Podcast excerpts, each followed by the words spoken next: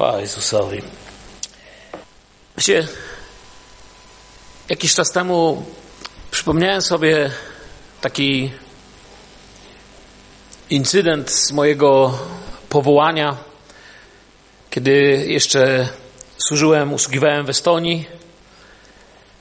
I przyszedł taki moment, że miałem niesamowicie dosyć tego, co się działo w moim otoczeniu, w zborze, w którym byłem. Dokładniej w więziennym zborze.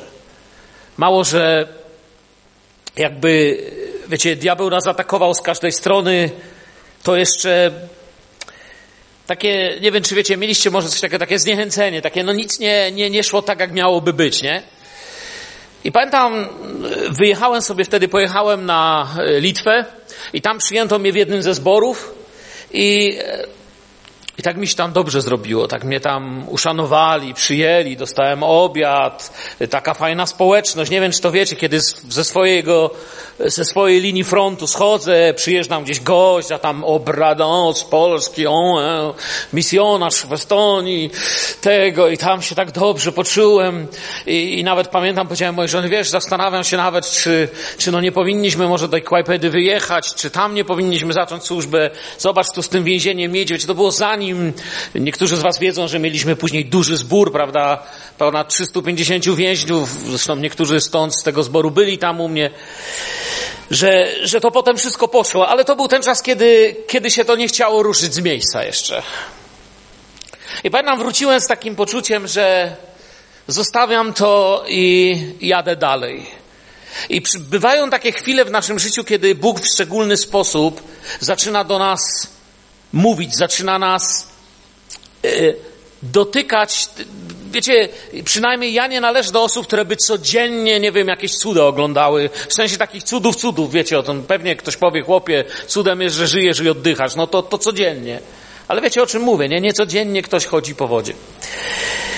I wróciłem do Estonii, zacząłem się tak zastanawiać. I myślę, wyjedziemy. Tylko nie wiedziałem, jak to powiedzieć temu mojemu przyjacielowi, współpastorowi, z którym służyłem. Taki byłem trochę zmęczony, wiecie, zamiast trochę jeszcze podnieść, to on jeszcze jakby dzisiaj rozumie, że on robił dokładnie to, co należy robić. On po prostu działał z Boże, służył, ja byłem gotowy się poddać. I tak myślałem, lepiej mi będzie tam. On albo mi mówi, że jestem leniwy, albo że za mało robię, albo że za długo śpię, ciągle się czepia. I pojechałem do niego do domu, myślę, powiem mu, że tak wiesz, wiecie, jak, jak, jak tak y, troszkę mamy bojaźni Boże, jeszcze no, nie odważymy się powiedzieć, że tak mówi Pan, nie? Ale, ale tak chcemy to komuś wcisnąć, to wtedy się jedzie, mówię, wiesz, tak mam na sercu, wiesz, znacie tą, tą kardiologię chrześcijańską, nie? To na sercu, tam to na sercu, to z sercem, tam to z sercem. Tak pojechałem do niego i, i zadzwoniłem, i to było takie jedno z dziwniejszych doświadczeń mojego życia. Kiedy on otworzył drzwi, ja już mam zacząć mówić i chciałem mu powiedzieć, że wiesz, tak czuję, no, no właśnie, że myśmy już tu powinni powoli kończyć i wyjechać dalej. A on do mnie nie mów nic. Chce ci coś powiedzieć od Pana Jezusa. Ja mówię, o co chodzi? Jeżeli gdziekolwiek ode mnie wyjedziesz, jeżeli mnie zostawisz, to Bóg cię już niczego nie nauczy i koniec Twojej szkoły i nauki. Niczego w służbie już nie zrobisz. A teraz wróć do domu, przeproś Boga i nic nie mów, proszę Cię. Ja już nic nie mówiłem. To wiecie, nie, nie codziennie mi się zdarza coś takiego. Po prostu poszedłem, wsiadłem do samochodu i pojechałem do domu i mówię do mojej żony, nigdzie nie jedziemy. I później powiedziałem, mówię, wiesz, Georg się dziwnie zachował, ty on o wszystkim wiedział że nie mógł wiedzieć. Dzisiaj, po latach, kiedy później rozmawialiśmy o tym, wiem, że Bóg ochronił mnie przed wielkim błędem rezygnacji ze swojego powołania z powodu własnych odczuć, z powodu własnych ambicji, z powodu własnych jakby takiego decyzji, które próbowałem uduchowić.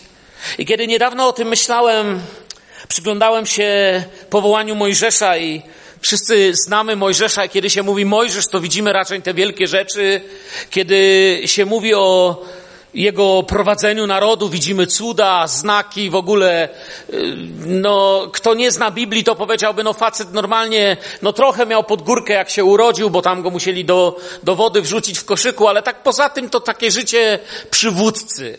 Ale kiedy czyta się i patrzy się, jak jego powołanie się realizowało, to przyznam, że dodaje mi to siły, ale też ostrzega mnie, że Bóg nas powołuje nie do tego, żeby, żebyśmy powiedzieli, że to wszystko, ale żebyśmy zrealizowali to powołanie.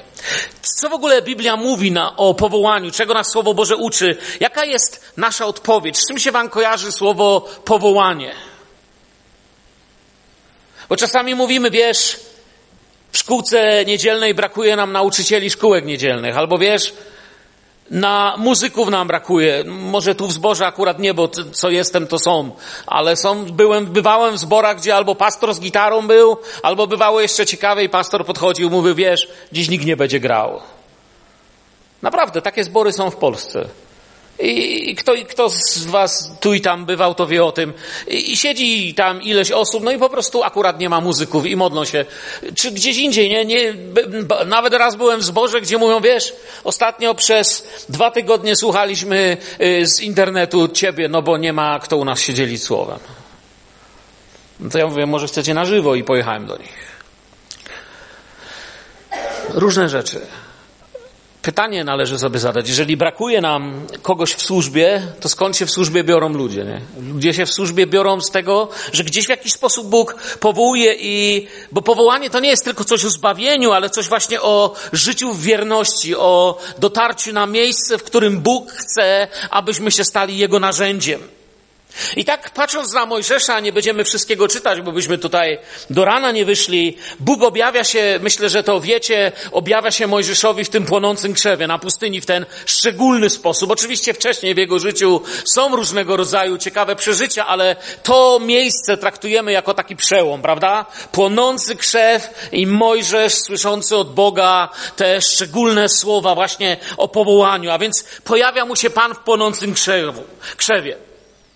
Powołuje go, aby wyprowadził naród z niewoli, z niewoli egipskiej, który jest pod butem faraona, ciężkie życie. Yy, można, można rzec, że taki yy, pewien rodzaj doświadczają nawet holokaustu, wyniszczania narodu, mordowania dzieci itd., tak itd. Tak w odpowiedzi Mojżesz patrzy na Pana Boga, i oczywiście tam tak nie jest napisane, teraz już to mówię swoimi słowami, ale kto z was tak sobie by zrobił taki przegląd tego powołania mojżeszowego, powiedziałby, że Mojżesz w odpowiedzi patrzy na Pana Boga i wyjaśnia Panu Bogu, dlaczego on nie jest tym człowiekiem do tej roboty i dlaczego się nie nadaje. Wiecie o czym mówię? Mówi do Boga, wiesz Boże, to nie do końca tak. I zacząłem się przyglądać temu, tak sobie to czytam, czytam, czytam, kilkukrotnie to już przeczytałem, patrzę na to, w jaki sposób on wyjaśnia Panu Bogu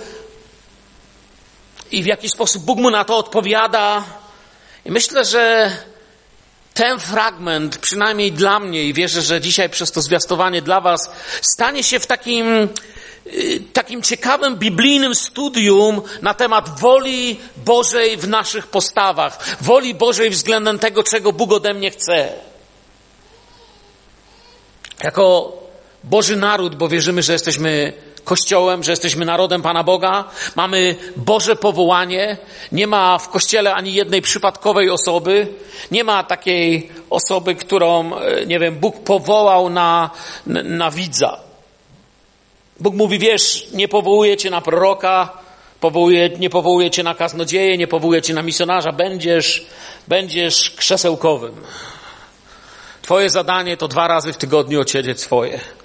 Nie ma takiego. Biblia nie mówi, że jednych uczynił e, prorokami, innych nauczycielami, jeszcze innych to, to, to, a innych krzesełkowymi, czy tam siedzącymi wysiadywaczami, czy czymś takim.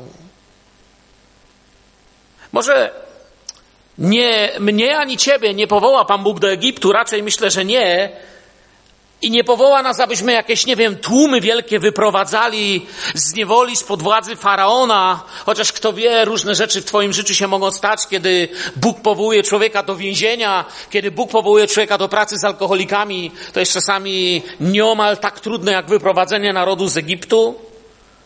Ale mamy iść zdecydowanie do ludzi i wyprowadzić ich z błędu, że Wiara to religia, że wiara to budynek, że wiara to jakiś tam Pan Bóg, że wiara to praktykujący, niepraktykujący. Mamy wyprowadzić ich z błędu i powiedzieć, że tak Bóg umiłował świat, że dał Syna.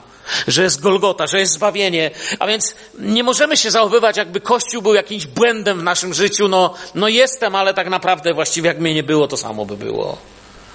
Jezus powiedział im i nam w Marka 16 rozdział, znacie na pamięć nawet, nie musicie otwierać Biblii, jak tylko zacznę czytać, każdy z was to dokończy, nie? I rzekł im, idąc na cały świat, głoście Ewangelię wszelkiemu stworzeniu. Wiemy, że to jest to, co on powiedział.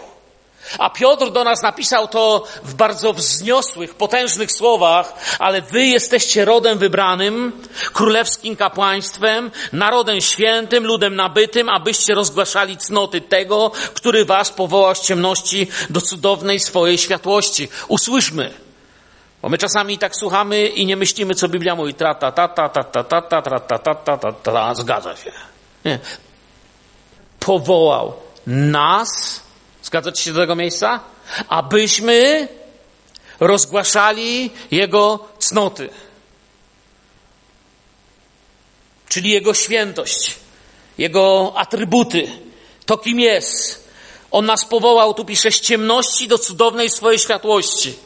Wy którzy niegdyś byliście nieludem, teraz jesteście ludem Bożym.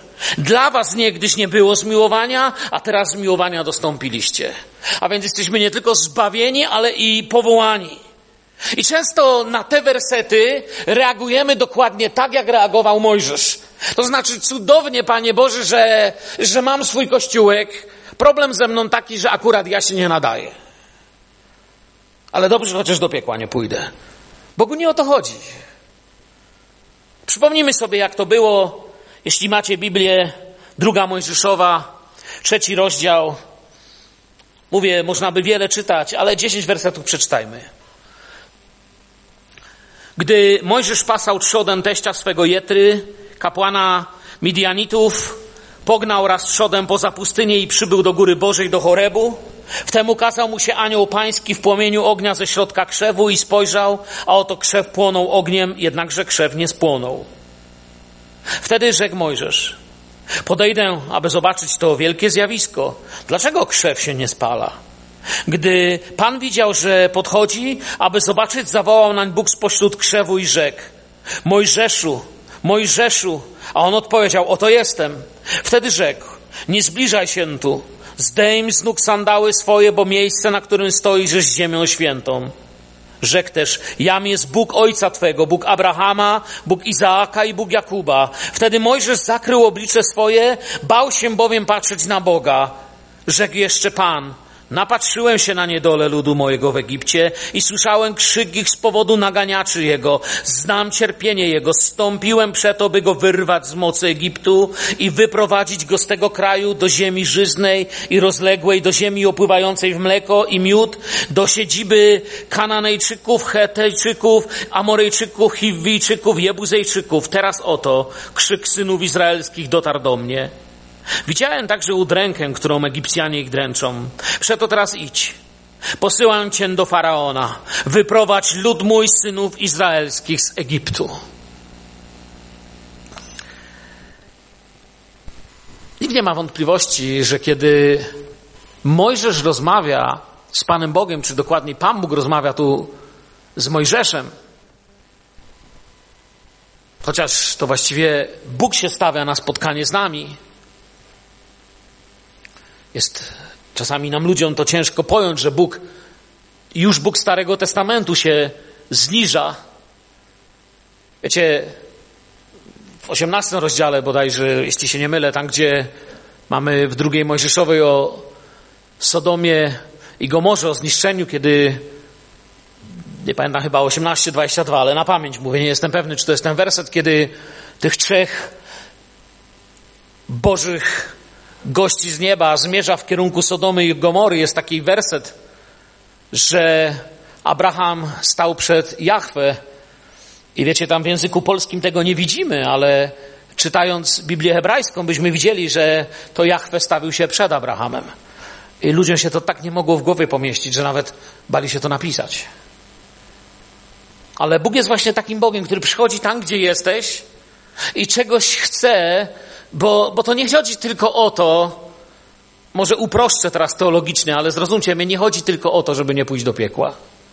Coś więcej Pan Bóg dla nas ma. Miłość to coś dużo więcej niż to, że Bóg nie chce, żeby nam się jakaś krzywda w wieczności wydarzyła. Miłość to coś dużo więcej niż po prostu nie chcieć niczego złego dla kogoś. Miłość to chcieć wszystkiego najlepszego dla kogoś. To chcieć z nim być, działać i robić coś. I nikt z nas nie ma wątpliwości w tym miejscu, że właściwie znowu teraz uproszczenie, ja wiem, ale tak starotestamentową historię nowotestamentowo chcę uprościć. Jak ktoś nie będzie rozumiał, to mnie może spytać potem. Celowe uproszczenie. Gdyby Mojżesz dzień przed tym upadł, nie wiem, padłby na atak serca na pustyni i umarł, to każdy z nas wie, że na pewno byłby człowiekiem zbawionym. Zgadzacie się ze mną, czy nie? Cisza jest. No, no zobaczcie, ale, ale kija wsadził, nie? No ja myślę, że byłby zbawiony. No przecież Bóg z ognistego krzewu nie głosił mu Ewangelii. Teraz rozumiecie, na czym polega moje to uproszczenie tutaj. Wiem, że to jest historia starotestamentowa, ale chcę pokazać coś, co jest ważne w naszym życiu. Bóg nie głosił mu tam przy tym krzewie, że słuchaj, ja jestem, nigdy o mnie nie słyszałeś, nie, on wiedział, on był gotowy kiedyś tam działać, on, on, on to coś czuł, ale, ale, ale tak sobie żył i to by starczyło. Mi chodzi tylko o to, że właściwie nikt z nas nie mógłby powiedzieć, że, że on nic nie wiedział. Ale, ale wiedział tak strasznie mało. I tu się tak naprawdę rozpoczyna pełna, pełnia drogi zbawienia. Jeszcze raz mówię, to było celowe takie zamieszanie, nie? Przecież wiemy, że nie mógł upaść na atak serca, bo Bóg przecież wiedział, że go chce powołać na drugi dzień. Nie chodzi o to, żebyśmy się teraz sprzeczali na logikę. Chodzi mi o coś innego, że, że było w jego życiu coś więcej do zrobienia, niż znaleźć spokojne miejsce i powiedzieć, coś wiem o Bogu i to mi wystarczy. I przypomnieliśmy sobie, jak Pan go powołał, i mamy do tego powołania Mojżesza wszyscy bardzo takie duchowe podejście, ale zobaczmy, co odpowiedział Mojżesz. Jakie były jego wymówki. Jestem przekonany, że nie jestem pierwszym y, wykładowcą czy, czy, czy, czy, czy usługującym, który na ten temat tu mówi. Wiele razy patrzyliśmy na Mojżesza z różnych stron. Jestem przekonany, że to tu robiliście. Popatrzmy tym razem właśnie na to jego powołanie. Jakie on tłumaczenia Panu Bogu kładł. I tutaj się to właśnie przenosi na nas. Bo tak jak Jego, tak i Ciebie Pan Bóg chce powołać. O tutaj powiecie amen, nie? No teraz lepiej, nie? Już nie miesza facet. Ja, ja, ja, lubię, wiecie, czasami tak troszkę zamieszać, dlatego że czasami ludzie ze Starego Testamentu wydają nam się ludźmi innego Boga. I tak sobie powiem, no o, taki Piotr czy Paweł, no to to są ludzie Boga, którego ja znam, ale nie jestem pewny, czy Eliasz. Chcę ci powiedzieć, Eliasz jest dokładnie człowiekiem tego Boga, który cię zbawił. Nie innego. Nie ma innego. To, to jest nasz Bóg, nasz Pan. I Mojżesz zaczyna wymówki swoje.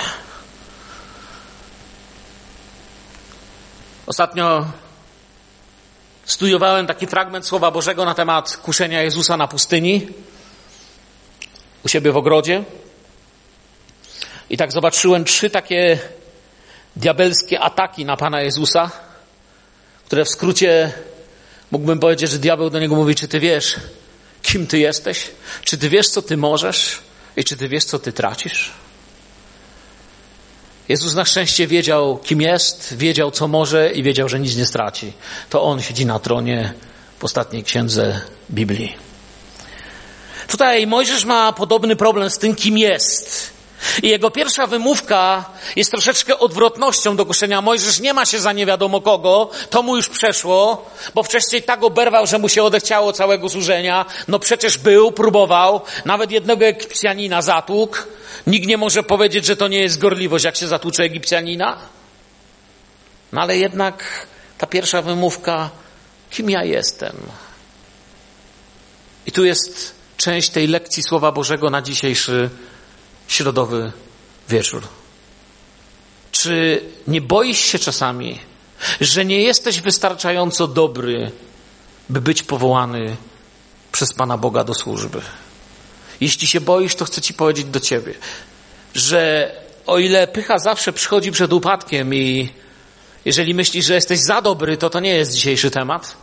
Ale spotkałem wielu ludzi, którzy uważali, że absolutnie byli dalecy od tego, że oni są za dobrzy. Oni uważali, że oni się nie nadają.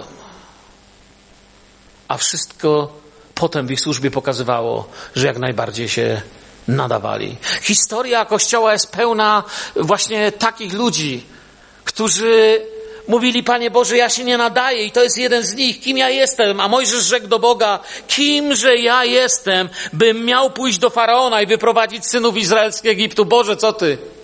Kim ja jestem? No, Bóg mógłby mu zacząć wyliczać, prawda? Były członek rodziny Faraona, wychowany i wykształcony na dworze władcy. Nie wiem, czy ktoś lepiej władcy w jego języku mógłby to powiedzieć. Kiedyś myślał, że wiele może, ale teraz pustynia go zmieniła, bo pustynia zmienia. Teraz jest spoconym, sprasowanym pasterzem, czyli znajduje się y, w grupie społecznej, którą Egipt najbardziej gardzi. Poniżej niewolnika już tylko pasterz jest w Egipcie. I tamte lata poza tym są jak mgliste wspomnienia Mógłby właściwie zaśpiewać sobie, starsze pokolenie będzie wiedzieć, że mówię, 40 lat minęło. Stoi jako 80-letni człowiek, stoi przed Panem i kim ja jestem? Wielu znajomych moich już nie ma. Wiesz, dzisiaj chyba mi się już nie chce.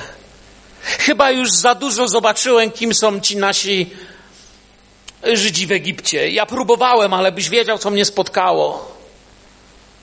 To są rzeczy, które ostatnio Bóg położył na serce, że Jego powołanie dla Twojego i mojego życia jest bez względu ważne, bez względu na to, co mówią i robią ludzie. Czy ktoś taki jak Mojżesz, mówiący jak on, jest właściwym człowiekiem dla zadania, jakie ma Bóg? Ta postawa jest ważna, no bo każdy z nas, gdybyśmy zapytali, co brzmi lepiej w waszych uszach? Kiedy Mojżesz powie, Panie, ale kimże ja jestem, nie nadaje się? Czy może tak jak Piotr, Panie, słuchaj, jedno słowo, tu mam miecz. Panie, kto jak kto, ale ja się Ciebie nie zaprę. Piotr był z drugiej strony, Panie, Piotr nie, prawda, musiał dojść do tego bankructwa Piotra, żeby w ogóle złapać o co chodzi. A Mojżesz, Mojżesz już zbankrutował. Kim ja jestem? Nie wiem, ilu z Was tutaj siedzi i było gdzieś w jakiejś służbie albo jest. Ale jeżeli byłeś w służbie u Pana, to wiesz, że wiele razy stoi się w miejscu, gdzie naprawdę trzeba wiele przemodlić, wiele sobie powiedzieć, wiele znaleźć w sobie siły, aby powiedzieć: Panie, ja wierzę w Twoje powołanie, pomimo tego, że zdawałoby się, że wszystko wokół przeciwko temu mi mówi cała moja logika. Bo on nie powołuje po to, żebyśmy po prostu jako tako doszli do nieba. On nie powołuje, nie mówi, słuchaj, zbawiam cię, a teraz chłopie, jakoś dojść do nieba po drodze, coś nie narób głupiego, to będziemy razem na wieki. To nie jest Boży sposób mówienia. Bóg bardzo szybko zaczyna mu odpowiadać. Będę z tobą, to mamy druga Mojżeszowa 3:12. Będę z tobą, a to będzie dla ciebie znakiem, że ja cię posłałem. Gdy wyprowadzisz lud z Egiptu, służyć będziecie Bogu na tej górze. Mi się to tak podoba. Pan Bóg mówi: Słuchaj, znakiem będzie to, że będziemy mieć razem wspólny czas. Eee, będę z tobą. Moim zdaniem to jest tajemnica każdego zwycięstwa, o którym słyszycie na świadectwach. Słyszeliście kiedyś świadectwa, które mogłoby ominąć te dwa słowa: Będę z Tobą? Czy trzy? Będę z Tobą? Ja nie słyszałem. Słyszeliście świadectwo uzdrowienia? Jakiekolwiek? Czy można by je było powiedzieć bez słów będę, czy byłem z Tobą? Jestem z Tobą? To jest tajemnica naszego życia. Nie słyszałem świadectwa misjonarza, nie słyszałem świadectwa nawet o męczennikach, bo i umrzeć, tak jak niektórzy ludzie wczesnego kościoła umierali, też trzeba mieć ogromną świadomość Bożej obecności. Będę z Tobą, to jest tajemnica naszego życia, nie nasza młodość, nie nasze siły, nie nasze zdrowie, nie majątek, nie pozycja, a to, że On jest ze mną. Jeżeli to utracę, to wszystko inne jest przemijające i zawiedzie. I Bóg obiecuje, że będzie z nim. Czy wystarcza człowiekowi taka obietnica? Czy wystarczy mi to, że oto jestem z wami po wszystkie dni, aż do skończenia świata? Nigdy na to nie patrzyłem, czy to mi starczy, żeby mieć siłę. Kiedyś na to popatrzyłem z innej strony. Pomyślałem sobie tak, oto jestem z wami po wszystkie dni, aż do skończenia świata. A pomyślałem sobie, no ale a co potem, po skończeniu świata? No tak jakby wyznaczony jest termin, do kiedy z nami będzie. Po wszystkie dni, aż do skończenia świata. A potem sobie pomyślałem, ludzie, co za radość. Ten werset jeszcze więcej mówi, się wydawało. Oto jestem z wami po wszystkie dni, aż do skończenia świata. No a potem, potem wy będziecie ze mną, mamy. Potem my będziemy z nim, wybieramy się tam, nie? Paweł napisał pod natchnieniem Ducha Świętego, cóż wtedy na to powiemy, jeśli Bóg z nami, któż przeciwko nam? No Mojżesz wyraźnie widzi, że Bóg jest z nim, no ale jednak ma problemy. Więc pytanie brzmi, czy jesteśmy bardziej duchowi od Mojżesza i mówimy, wiem, że Bóg jest ze mną i nie ma problemu, czy rzeczywiście potrzebujemy tego natchnienia, tej lekcji ze Słowa Bożego, aby sobie powiedzieć, wiem, że jesteś blisko, ale potrzebuję szczególnych chwil powołania, szczególnych, w tym powołaniu, przepraszam, szczególnych chwil z Tobą, Panie. Bo, bo Ty jesteś ze mną, ale, ale czuję się taki mały. Zobaczmy, co Pan uczynił z życiem na przykład, nie wiem, apostołów. Oni byli powołani do zmian, do czynienia cudów. Kiedy Pan Jezus ich powołał, wiecie, kiedy ich potem zostawiał, to pamiętacie, co do nich mówił? To są ostatnie wersety, choćby Ewangelii Mateusza. Idźcie i czyńcie czym? Uczniami. Róbcie coś. On im nie powiedział, słuchajcie, zostawiam was, chłopaki, muszę już iść. Za niedługo dołączycie do mnie. Starajcie się porządnie żyć, żebyście tam doszli. Zachowajcie to, co jest jak jest, no lepiej nie będzie. Nie. On mówi, będziecie czynić większe rzeczy niż te. Dziś rozumiemy, że większe w sensie ilościowym, nie jakościowym. Będziecie czynić wspaniałe rzeczy. Zaczyna się rozrastać Kościół. On ich nie powołał do tego, żeby, nie wiem, w formalinie zalać powołanie i postawić słoiku i powiedzieć, to jest Kościół. Czasem tak tak nam się może wydawać. I ta wymówka funkcjonuje do dziś w naszym życiu. Często wydaje nam się, że jak tylko przetrwamy, to już będzie dobrze. Prawdą jest, że sami, sami w sobie, to, to jest ewidentna prawda, nie nadajemy się do Bożego dzieła. Ja wiem, że ja, wiecie, sam sobie nic nie mogę zrobić. Wiem, że najpiękniejsze chwile, o których dzisiaj opowiadam ludziom w świadectwach mojego życia, wy też macie na pewno takie to są chwile, kiedy Bóg w wyjątkowy sposób dotknął się i był w moim życiu. To Boża obecność zmienia wszystko. To to, że ja jestem, mówi Bóg, że jestem tu, jestem obok, jestem w waszym życiu. To jest ta potężna prawda, która zmienia wszystko. Jeśli Jego nie ma, to nic się nie zmienia. Tłumaczymy się czasami. Jestem za młody. Prorok się tłumaczył. Jeremia. Inny mówi, jestem za stary, jestem kobietą, jestem mężczyzną, jestem pastuchem, jestem królem, zawsze coś. On nie jest ze mną, bym przetrwał. Powołanie dzisiaj wierzę, że Duch Święty w ten wieczór chce nam zadać pytanie, czy pamiętasz, do czego Cię powołałem? Czy pamiętasz prorocze słowa, którymi Cię uzdalniałem? Kiedy mówię prorocze, nie mówię o nie wiadomo trzęsących się ścianach. Mówię o tym, jak Słowo Boże ci potwierdzało, potwierdzało, że naprawdę Pan Ciebie powołuje. On nie jest tylko po to, żebym jako tako przetrwał i miał rację jeszcze, jak umrę, ale po to, abym mógł być użyty dla Jego chwały. Często to nasze tłumaczenie jest taka zasłona dymna. Cię ja wiem jedno. Niedawno teraz głosiłem na kongresie, nie wiem, czy niektórzy z Was byli, pewnie może ktoś był, i poruszyłem tam taki temat. Powiedziałem, że szerzy się niebezpieczny ro, rodzaj chrześcijaństwa w naszych czasach. I tam pamiętam, siedział nasz brat biskup, pastorzy, ja mówię, już nie wiem, czy do was bracia doszło, ale taki nowy trend się w chrześcijaństwie pojawił i się szerzy. Takie chrześcijaństwo fryzjerskie. Przyszedłem, siadam na foteliku, gapię się tylko w siebie i proszę mnie obsłużyć. Po wyjściu powiem, czy jestem zadowolony. Naprawdę to wszystko? Siedzę, proszę mnie obsłużyć. No dziś obsługiwałeś gorzej niż kiedyś. Czy do mnie raz jeden facet podszedł i mówi, wiesz, prowadzę listę twoich kazań.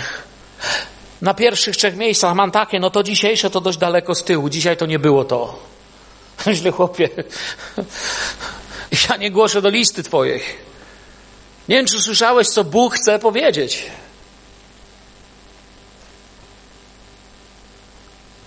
Fryzjerskie chrześcijaństwo. Może do tego już doszedłeś. Święty spokój, siedzę, proszę mnie obsłużyć. Oczywiście, jak mnie nie obsłużycie tu, to sobie pójdę gdzie indziej. Jestem od tego, żeby mnie obsługiwać. Cieszcie się, że w ogóle zajmuję krzesła. Znam takich ludzi. Oni oczywiście by tego tak nie nazwali, ale takie jest ich zachowanie. I jest inne chrześcijaństwo. Chrześcijaństwo pełne miłości, wariactwa, szaleństwa. To chrześcijaństwo, które na krańce świata poprowadziło Bożych wariatów które sprawia, że Boży wariaci dzielą się drugim śniadaniem z biednym, które sprawia, że masz odwagę podejść do głodnego chłopa spijaczonego, brudnego, spytać, czy nie jest głodny i kupić mu jeść. Że masz odwagę reprezentować Jezusa. Ja wiem, że nie jest łatwo pamiętać, że jesteśmy powołani do czegoś więcej. Wiecie, ludzie, którzy pełnią służbę w kościele, całkowicie inaczej oceniają na przykład posługi i inne służby niż ci, co nie mają żadnych. To jest moje doświadczenie pastora. To mogę wam powiedzieć i jestem pewny, że pastor się tu ze mną zgodzi. Że zupełnie inaczej o błędach współpracowników w kościele rozmawia się z kimś, kto przychodzi i żąda, a zupełnie inaczej z kimś, kto też ma na sobie odpowiedzialność. Spory to specjalność ludzi, którzy mają opinię. Ludzie, którzy mają służby, wolą pokój jedność, bo wiedzą, że chodzi o chwałę Bożą. No w każdym razie Mojżesz mówi, no i kto ja jestem? No jak już mu Pan Bóg, musielibyście dokładniej sobie to postudiujcie, troszkę pomógł, to pojawia się następny problem w życiu Mojżesza. No dobra, już Ci wierzymy, już uwierzyłem, że jestem, no jestem kimś, kto mógłby to zrobić. No właściwie okej, okay, jestem Mojżesz, jestem Mirek, jestem Kasia, Jasia, Stasia, nie wiem, y, Janek, nie chcę użyć jakiegoś imienia niechcąco. Jestem, uwierzyłem, że Bóg mnie zbawił. Ale co ja mam tym ludziom powiedzieć? Chłopie, ludzie się śmieją dzisiaj z Pana Boga. Nic nowego, w czasach Mojżesza też się ludzie śmiali z Pana Boga. No zawsze się z Niego śmiali. Takiego Boga mamy, że świat się z Niego śmieje. Albo się go boją, albo się z niego śmieją. A ci, którzy go zobaczą, zaczynają go kochać. Co im mam powiedzieć? A Mojżesz rzekł do Boga, to mamy trzynasty werset w tym trzecim rozdziale. Gdy przyjdę do synów izraelskich, powiem im, Bóg ojców waszych posłał mnie do was, a oni mnie zapytają, jakie jest imię tego, co im mam powiedzieć? Co jak co, ale jeśli chodzi o imiona bogów, to Egipcjanie to byli fachowcy. Słuchajcie, do dziś historycy nie są do końca pewni, ile imion i ilu bogów mieli. Mniej więcej w miarę wiedzą, ale, ale do dziś nie wiedzą, czy wszystko wiedzą. Mojżesz wiedział, że kogoś, kto przyjdzie z takim przesłaniem, z jakim Bóg go przesy, przysyła, zasypią pytaniami. Kto cię posłał? Bo to, kim jest Mojżesz, było ważne do momentu, zanim nie powiem, z czym przyszedł. Bo jak zacznie mówić, z czym przyszedł, to mniej ważne się stanie, Jak ma na imię? Tylko kto go z czymś takim posłał? Kto cię posłał? Bóg? No co ty? Wiesz, chłopie, starych drzew się nie przesadzam. My tu już wiesz, 400 lat chodzimy, siedzimy. Bóg gdyby chciał poza tym, to my tu 400 lat już jesteśmy, także myślę, że Pan Bóg wie, gdzie jesteśmy. I jeśli ma jakieś cuda i chce coś zrobić, to dlaczego miałby tego nie zrobić tutaj? My lubimy tak powiedzieć. Czemu Bóg miałby nie dokonać swoich cudów w miejscu, gdzie jestem? Dlaczego mam się ruszyć? Dlaczego mam się zmienić? Dlaczego coś musi zostać odmienione? No przecież w końcu to jest Bóg. Może zrobić to tu, gdzie ja tego chcę, żeby zrobił. Bóg znał ich serca, ich płacz, ale ta ich poza ta ich codzienność z jednej strony, płakanie z drugiej właśnie taka postawa, jaka miała się pojawić. Wiadomo było, że takie pytanie padnie i Boża odpowiedź jest tym równie błyskawiczna. Bóg odpowiada, że do Mojżesza jestem, który jestem i dodał, tak powiesz do synów izraelskich. Jachwę posłał mnie do was i mówił dalej Bóg do Mojżesza, tak powiesz synom izraelskich, Pan, Bóg ojców waszych, Bóg Abrahama, Bóg Izaaka, Bóg Jakuba posłał mnie do was. To jest imię moje na wieki i tak mnie nazywać będą, bo wszystkie pokolenia. To jest to, co już wiecie. Ale to jest za mało, mam dla was powołanie. To jestem ja, wasz Bóg. Oczywiście wiadomo, że te słowa tutaj, jestem, który jestem, w polskim języku są najlepszym, jak się to dało przetłumaczyć, i wcale nie są najlepiej przetłumaczone. I każdy, kto troszeczkę studiuje, to wie, że. I wiecie, to nie jest tak, że zjadłem wszystkie mądrości, pewne rzeczy przeczytałem w książkach. Jeden z hebraistów napisał, że to nie jest najlepiej przetłumaczone, ale nikt nigdy po polsku nie przetłumaczy tego lepiej. To, to jest wiedza, którą nie jestem w stanie sprawdzić. Mogę wierzyć tym, którzy, którzy je znają lepiej. Bo problem w tym, że tego się nie da lepiej powiedzieć. Tu zgadza się tak naprawdę jedynie słowo który. Jestem, który jestem, zgadza się tylko słowo który. Czytałem rozmyślania jednego z rabinów i on napisze, że pisze tak, zgadza się tylko słowo który, czasownik jestem jest za płytki, ale niestety nie mamy nic innego bo czasownik hebrajski nie ma czasów. Bóg nie był, nie jest, nie będzie. Bóg jest. I to jest to, co Żyd może powiedzieć. Ja nie będę próbował być mądrzejszy niż gość, który się od kołyski z językiem hebrajskim wychował. Ten hebrajski czasownik mówi nam: Jestem z wami, jestem tu, jestem dla was. Bóg to powiedział Mojżeszowi, mówiąc, że będzie z nim. Dokładnie to samo. Jezus mówi, że będzie z nami. Bóg mówi, chce być z Tobą. Jeśli idziesz drogą powołania, to to jest tak naprawdę nie Twoja, to jest moja droga. Ja na niej jestem, a Ty po niej idziesz. On jest i to nie jest coś, co ma początek, teraz i koniec. To ja wchodzę na coś, co jest. To ja wchodzę w Bożą obecność. To my, zgadzając się być świadkami Jezusa, pamiętajcie, że my wierzymy w Jezusa Chrystusa, Syna Bożego. Wierzymy w Jezusa, który jest wieczny. My nie wierzymy w Jezusa, który jest jakimś archaniołem, albo który jest jakimś rodzajem stworzenia, które kiedyś tam Panu Bogu się zachciało i stworzył. To są herezje dotyczące Syna Bożego. My wierzymy w Jezusa, który jest wieczny. Tego, przez którego nic nie powstało, co powstało. Tego, który jest Słowem, które było na początku. To, to dawno jest, a my wchodzimy na, na tą drogę. Oto czas, gdy Bóg, do którego wzdychali, ma się teraz stać Bogiem, za którym trzeba iść. I może się okazać coś, co może być i prawdą Twojego i mojego życia. Przynajmniej powiem Wam, że mojego. Dla mnie dużo prościej jest marudzić, niż się ruszyć i zobaczyć, co zmienić w moim życiu, żeby iść za Bogiem. A u Was też tak jest? Nie wiem, mi jakoś łatwiej marudzenie przychodzi. Tak pomarudzić, że życie ciężkie, no. Jak wiecie, nie chcę to być tak jak kiedyś. My Polacy też tak lubimy spotkać. Tak pomarudzić. Teraz skończył się czas wzdychania, jest czas pójścia i oni nie wiedzą. I wracając do tematu, mamy podobne wymówki jak ta. Co mam mówić? Ludzie mówią czasem, Wiesz, ja nie jestem księdzem, pastorem, teologiem czy kimś tam jeszcze. Bóg wie, kim jesteś i Bóg wie, kim nie jesteś, ale jesteś powołany. Jest w Królestwie Bożym miejsce, w którym pewien ruch, pewne posłuszeństwo przyniosą ci radość i sprawią, że twoje życie będzie miało sens. Odróżnią cię od tego, co najbardziej męczyło cię, zanim poznałeś Jezusa, od braku sensu. I jednak mówi nam, co mamy mówić. Głoście Ewangelię wszelkiemu stworzeniu. To jest wasze przesłanie. Oto czym ma być moje życie w was. Bo nie chodzi tylko o słowa, chodzi o posłuszeństwo, to chodzi o nasze, nasze praktyczne, o nasze wybory finansowe, moralne, zawodowe, rodzinne, małżeńskie, wychowawcze. To nie jest wcale takie proste naśladować Jezusa, ale kiedy to robię, wchodzę na drogę powołania, które od zawsze dla mnie było w Nim.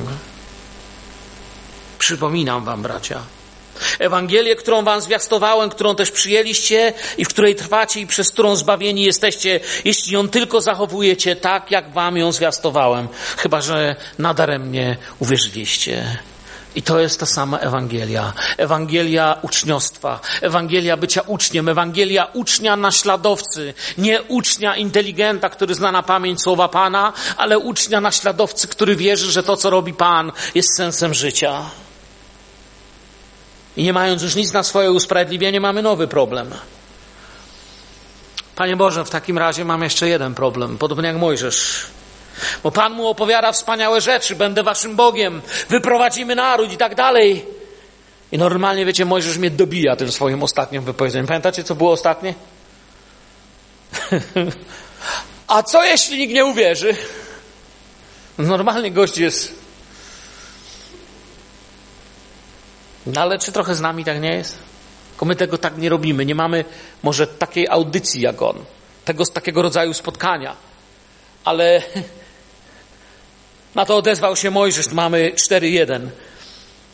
I rzekł, a jeśli nie uwierzą mi i nie posłuchają mnie, lecz powiedzą, Pan nie objawił się Tobie.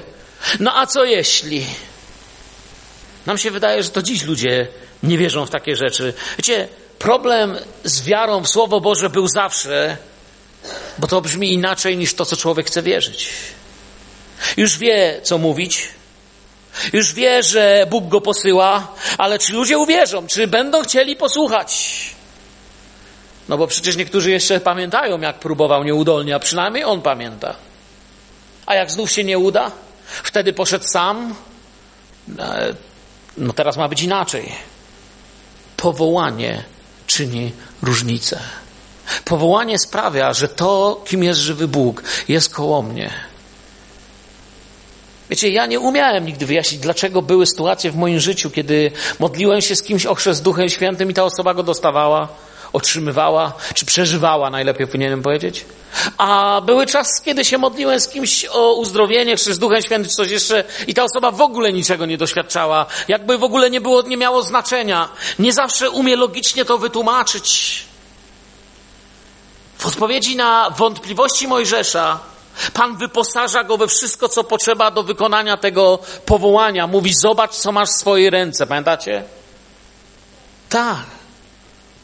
Nie wiem, czy pamiętacie, to było już dość dawno temu, kiedyś tutaj głosiłem na temat, po, to było po takim dłuższym poście i modlitwie, i głosiłem na temat pięciu najważniejszych pytań, jakie Bóg objawił naszej służbie, to znaczy naszej, mojej i kilku innych braci, z którymi pościliśmy. I właściwie zaczęliśmy to głosić. I wtedy, wiem, jeśli to pamiętacie, powiedziałem, że jest takich pięć pytań najważniejszych w moim życiu, które zacząłem sobie zadawać w modlitwie. Pierwsze pytanie, które Bóg zadał Adamowi, to gdzie jesteś? I tam Bóg pokazał nam to, czy, czy nie jestem gdzieś w miejscu, że z czymś się kryję, że w jakiejś sprawie nie wierzę, że Bóg w moim wypadku zadziała, bo wiem, że gdzieś coś jest nie tak. Czyli nie wiem, nie modlę się o chorych, bo wiem, że w moim wypadku i tak nie zostaną uzdrowieni, ponieważ czuję, że gdzieś w moim życiu coś jest nie tak. Gdzie jesteś? Drugie najważniejsze pytanie, gdzie jest Twój brat? To znaczy, co się dzieje z ludźmi, którzy mają ze mną styczność? Czy nie cierpią na tym? Czy nie ma we mnie czegoś, co próbuje ich odsunąć, bo jest coś, co oprócz miłości Boga próbuje im podać, bo się czegoś boję? Trzecie pytanie właśnie było, co masz w swojej ręce? Pan nam to pokazał w czasie naszego postu i modlitwy. Co masz w swojej ręce? Co naprawdę masz? Mam pięćdziesiątnicę. Wierzę, że kiedy człowiek jest napełniony Duchem Świętym, ma od Boga wszystko to, co Bóg chce, aby na tej ziemi chodząc miał. Czwarte pytanie było najważniejsze. Kto pójdzie? To było to, co powiedział do Izajasza. Muszę sobie trwać, muszę sobie zadawać to pytanie, by trwać w tej społeczności z żywym Bogiem, bym mógł być tym, który może iść. I piąte pytanie. Co ty tutaj robisz? Które Bóg zadał Eliaszowi. Ja nie chcę powtarzać kazania, które tu już mówiłem, tylko tak wam przypominam. Chyba, że to nie było tu, ale chyba tu. Co masz w swoje ręce? Bóg mówi do niego. Powoli mój czas mija. Mojżesz, oczywiście wiemy, że znacie tą historię tej laski, zamieniła się w węża i tak dalej. Ten wąż był nawet lepszy niż te egipskie węże. Na tym bym się nie chciał skupiać. Dlaczego Bóg te rzeczy czyni? Podoba mi się, jest napisane takie słowo u Jana. I wiele innych cudów uczynił Jezus wobec uczniów, który, które nie są spisane w tej księdze. Te zaś są spisane, abyście wierzyli, że Jezus jest Chrystusem. Bóg mówi, te rzeczy wam mówię, abyście wierzyli, kim ja jestem. Abyście wierzyli, że to nie jest zwykła środa, kiedy za chwilę będzie chyba deszcz i burza że to nie jest zwykła środa, kiedy ja jestem tak daleko, a środek tygodnia taki realny i do niedzieli nie wiadomo jeszcze ile. To jest kolejny dzień, który Wam daję. Dzień, w którym chcę się z Wami spotykać. Ponieważ kiedy o mnie myślicie, kiedy o mnie mówicie, mowa o krzyżu jest mocą. Myślenie o Jezusie napełnia nas nowymi siłami. Kiedy sobie, wiecie, dzisiaj rano, kiedy jeszcze cała moja rodzina spała, poszedłem, siadłem na takim stołeczku przy, przy stoliku, zrobiłem sobie kawę, otwarłem Biblię, otwarłem Słowo Boże, Ewangelię Mateusza. Mówię, Panie, powiedz mi, co mi chcesz dzisiaj powiedzieć? Co chcesz mi dziś objawić? Co, czym chcesz mnie dzisiaj napełnić, posilić? Mojżesz ma takie spotkanie i chce się uczyć od niego, bo to był pokorny, dobry człowiek, wielki sługa Boży. Bóg widział jego pokorę. I teraz Mojżesz powinien iść. I tu powinienem powiedzieć amen, już więcej pytań nie miał, ale jest jeszcze jedno coś, co mnie już kompletnie rozśmieszyło, kiedy na to patrzyłem. Mówię, Panie Boże, no. Idzie i mruczy pod nosem. Pamiętacie, co Mojżesz mruczał pod nosem? Po pierwsze mruczał pod nosem, kim ja jestem. Bóg mu to pomógł zrozumieć. Co im mam powiedzieć? Też mu pomógł zrozumieć. A co jak nikt nie uwierzy? No to też mu pomógł zrozumieć. Zdawałoby się, że powie, no dobra, jesteś doskonałym Bogiem, idę.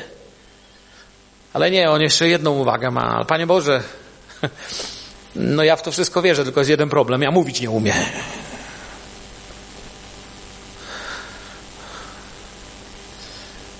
Żeby się chciało powiedzieć, to czemu od początku od tego nie zacząłeś, nie? Może do Pana, proszę Panie, nie jestem ja mężem wymownym. Możesz uważasz, że nie umie mówić. Może jesteś właśnie taki, myślisz, Panie, może mnie powiesz, ale ja nie umiem mówić.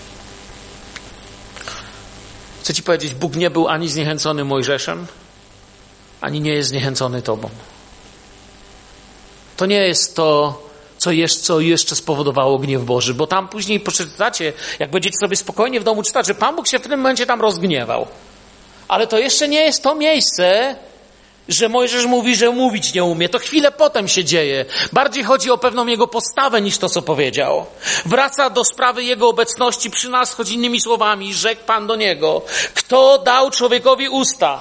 Albo kto czyni go niemym, albo głuchym, widzącym, albo ślepym? Czyż nie ja, Pan? Idź więc teraz, a ja będę twoimi ustami i pouczę cię, co masz mówić.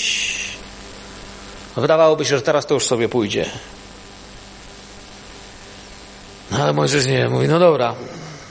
Ale on rzekł, proszę panie, poślij kogo innego.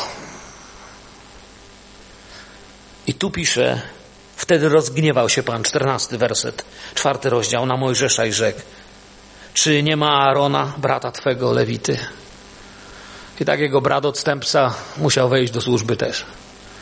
Sami wiemy, tylko kłopoty z nim później były. Oni jeszcze rozmawiają, a Aaron już jest w drodze. Wiemy, że kiedy czytamy i studujemy o Mojżeszu, Bóg ma dobre zdanie o nim. Choć w końcowym etapie Mojżesz nie dojdzie do ziemi obiecanej, będzie ją oglądał. Z terytorium dzisiejszej Jordanii, kto był w Izraelu, to przewodnicy potrafią pokazać tą górę. Widzimy, wiemy nawet, co się przed jego oczami roztoczyło. Bóg będzie cenił jego skromność, a Duch Święty będzie nas pouczał, byśmy się uczyli z jego życia. Wielu z nas tłumaczyło się już ludziom i Panu Bogu. A dziś robimy rzeczy, o których nie, nie myśleliśmy. Chcę Ci powiedzieć, kończąc,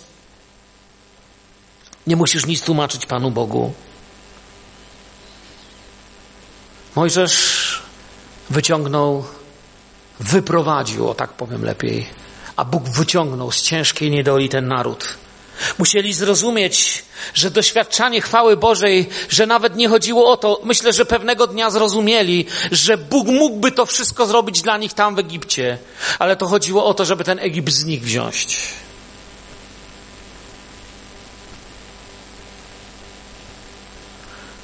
I kim Mojżesz na koniec jest? Pewnego dnia przybliża się dzień ciemności, bólu, rozpaczy i łez dla Pana Jezusa. Jezus zabiera ze sobą wybranych uczniów, a ci doświadczają niezwykłego spotkania, są świadkami niezwykłego spotkania a mniej więcej w osiem dni po tych mowach zabrał ze sobą Piotra, Jana, Jakuba, wszedł na górę, aby się modlić, a gdy się modlił, wygląd oblicza jego odmienił się, a szata jego stała się biała, liśniąca i oto dwaj mężowie rozmawiali z nim, a byli to Mojżesz i Eliasz, którzy, którzy ukazali się w chwale i mówili o jego zgonie, który miał nastąpić w Jerozolimie. Zobaczcie, co Nowy Testament nam objawia.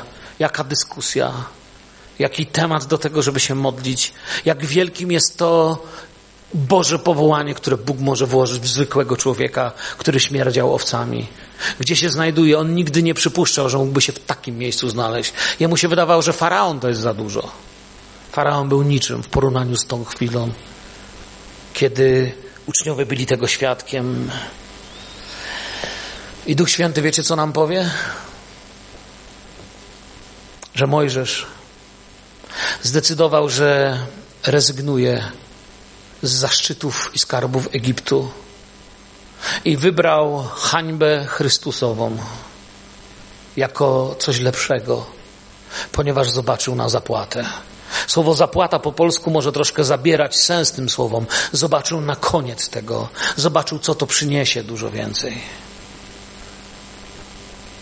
Wybierz to, do czego Cię wołał. Bóg ma rację.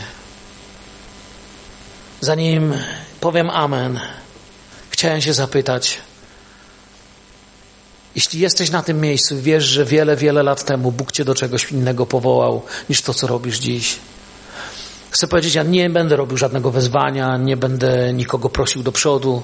Chcę tylko, abyśmy się jako zbór pomodlili o tych z Was, którzy czują, że dzisiaj Duch Święty mówił do Ciebie, że gdzieś kiedyś bardziej wierzyłeś, że masz robić to, czy to, czy to. On wie, co to jest.